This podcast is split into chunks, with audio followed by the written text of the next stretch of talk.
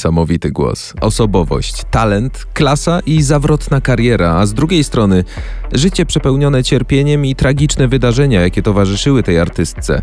To wszystko składa się na historię przepełnioną głębokim smutkiem. Historię, która zakończyła się zdecydowanie za wcześnie. Dziś poznamy bliżej piosenkarkę i aktorkę, która po tragicznych doświadczeniach odebrała sobie życie.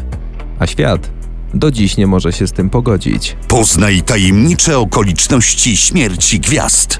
Ostatnie dni legendy. Yolanda Cristina Gigliotti, znana wszystkim jako Dalida, była francuską piosenkarką i aktorką urodzoną w Egipcie. Występowała i nagrywała w ponad 10 językach, włączając w to arabski, egipski libański dialekt, włoski, grecki, niemiecki, angielski, japoński, hebrajski, holenderski i hiszpański.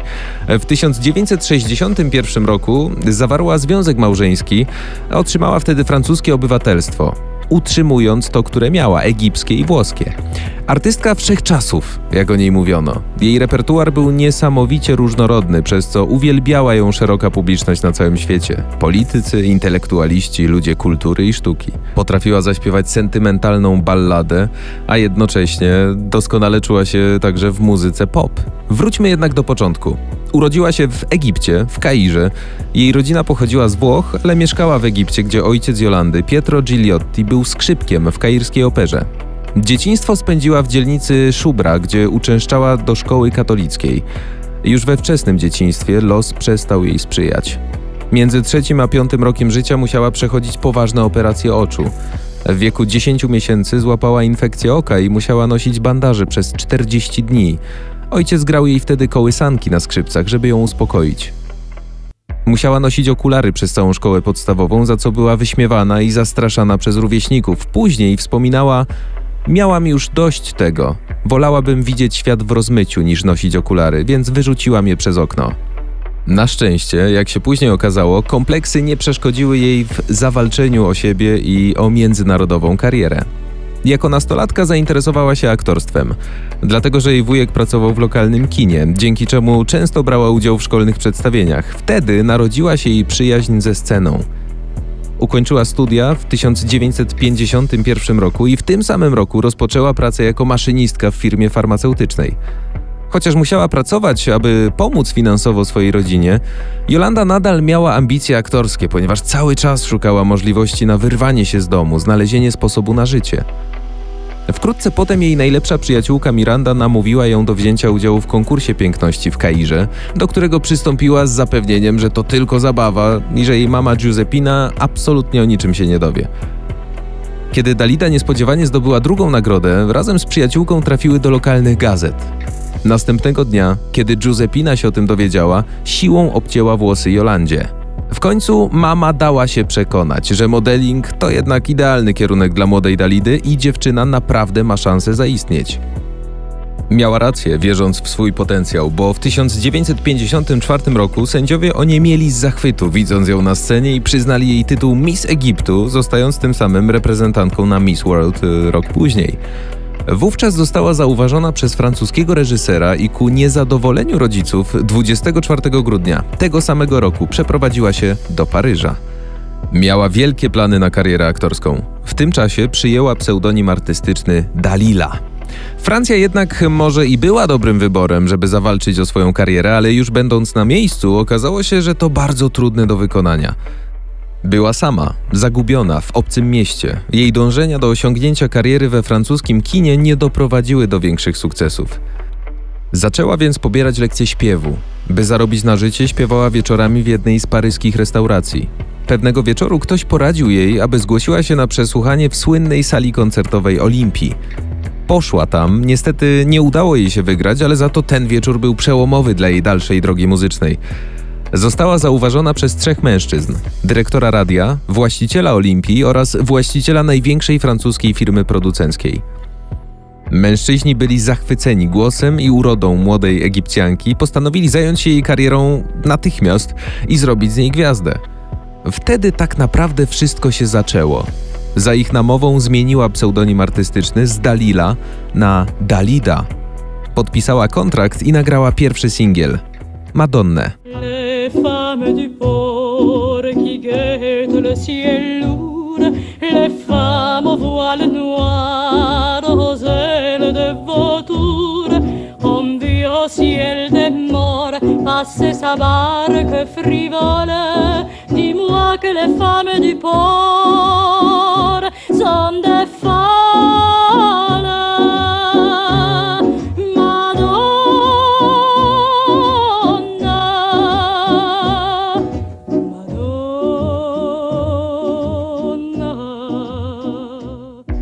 Niestety Madonna nie podbiła świata. Triumf musiał poczekać, ale dosłownie chwilę, bo Bambino z 1956 roku przyniósł jej sławę.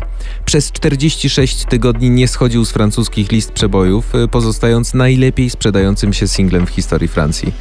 17 września 1957 roku Dalida otrzymała pierwszą złotą płytę. Potem przyszły kolejne single i kolejne sukcesy.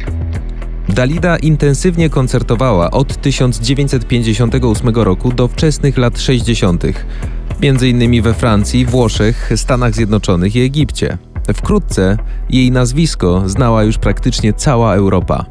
Jej występy były niesamowitym widowiskiem. Oprócz genialnego wokalu czarowała widzów tańcem, układami choreograficznymi i piruetami dopracowanymi absolutnie do perfekcji. Była genialnym przewodnikiem dla samej siebie, przede wszystkim jeśli chodzi o dobór repertuaru. W 1970 roku zaczęła wybierać piosenki o bardziej głębokich tekstach. Stała się po prostu dojrzalsza. W 1973 roku Dalida wraz ze swoim przyjacielem Alain Delon nagrała francuską wersję włoskiej piosenki Parole Parole, oryginalnie wykonywaną przez Mina.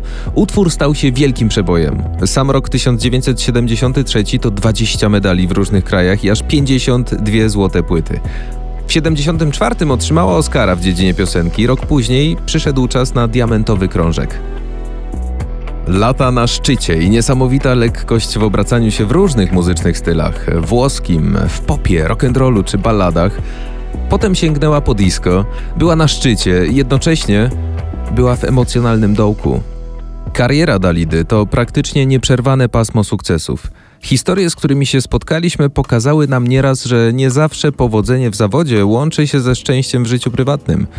Dalida tego szczęścia niestety nie miała.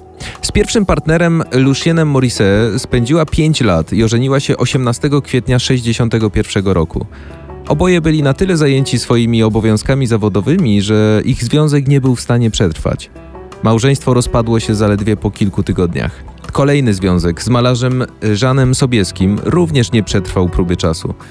Kiedy w życiu Dalidy pojawił się początkujący piosenkarz Luigi Tenko, wydawało się jej, że wreszcie będzie mogła ułożyć sobie takie życie, o jakim zawsze marzyła. Para była bardzo szczęśliwa, planowali nawet ślub. Na początku roku 67 wzięli wspólnie udział w festiwalu w Sanremo, śpiewając skomponowaną przez Luigiego piosenkę Ciała Amore. Już pierwszego dnia festiwalu utwór odpadł z konkursu. Piosenkarz był wściekły, chciał być sam i wrócił do hotelu. Kiedy kilka godzin później Dalida weszła do pokoju, znalazła rewolwer, list pożegnalny i zakrwawione ciało narzeczonego. Ta tragedia całkiem ją złamała. Popadła w depresję. Kilka tygodni po odejściu Tenko podjęła pierwszą próbę samobójczą.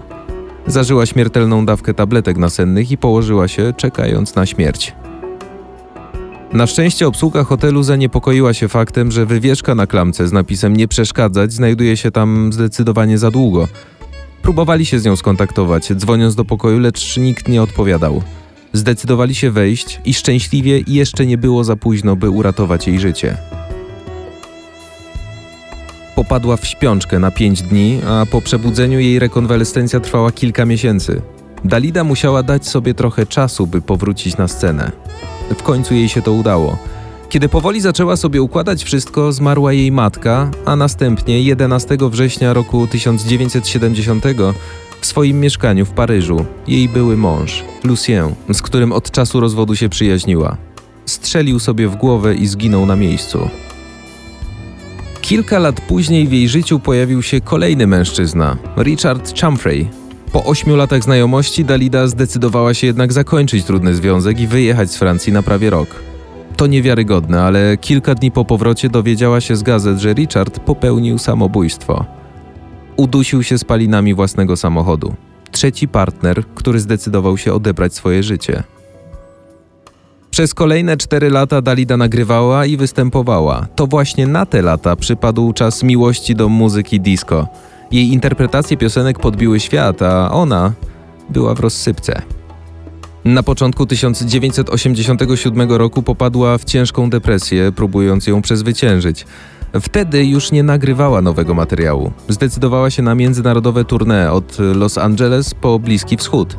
Będąc międzynarodową gwiazdą, wiele jej piosenek pojawiało się wtedy codziennie w telewizji, a także w występach telewizyjnych, w talk show w latach 1986 do 87.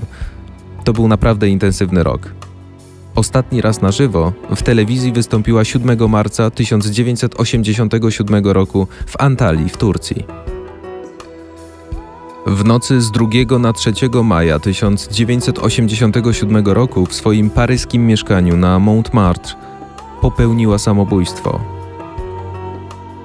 Przy łóżku zostawiła krótką notkę. Życie stało się dla mnie nie do zniesienia. Wybaczcie.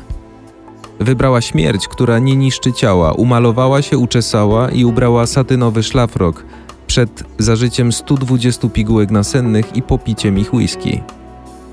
Dalidę pochowano na Cimetière de Montmartre w Paryżu po mszy odprawionej w kościele świętej Magdaleny. W roku 97 róg dwóch znanych paryskich ulic został przemianowany na plac Dalidy. Tam ku pamięci artystki wzniesiono popiersie naturalnej wielkości. W 2001 roku francuski rząd uhonorował Dalidę znaczkiem pocztowym ze zdjęciem, który sprzedano w liczbie ponad 10 milionów egzemplarzy. Od śmierci stała się kultową postacią dla nowego pokolenia fanów. Mateusz Opyrchał, dzięki i do następnego. Méfie-toi. Il m'a dit Je ne sais pas ce qui m'arrive ce soir. Je te regarde comme pour la première fois. Quand c'est nouveau, quand tout est beau, ils ont des mots, Il m'a dit Je veux te dire rien que des mots, que tu es cette belle histoire d'amour que je ne cesserai jamais de vivre. des mots faciles, des mots fragiles, amour nouveau. Il m'a dit Donne-moi la main Tu es trop beau, et je t'emmène au bout du monde. oui bien trop beau pour être honnête, mais on dit ça et chaque fois rien ne nous arrête. Il m'a dit Tu es comme le vent qui fait chanter les violons et emporte au loin le parfum des roses.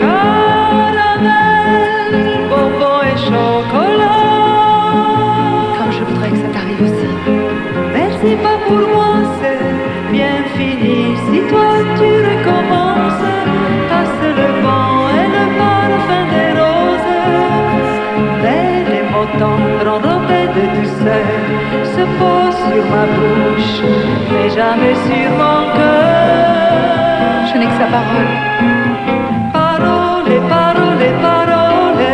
mais je sais Parole, parole, parole. qu'il livrait. Parole, parole, parole. Oh, je te jure. Parole,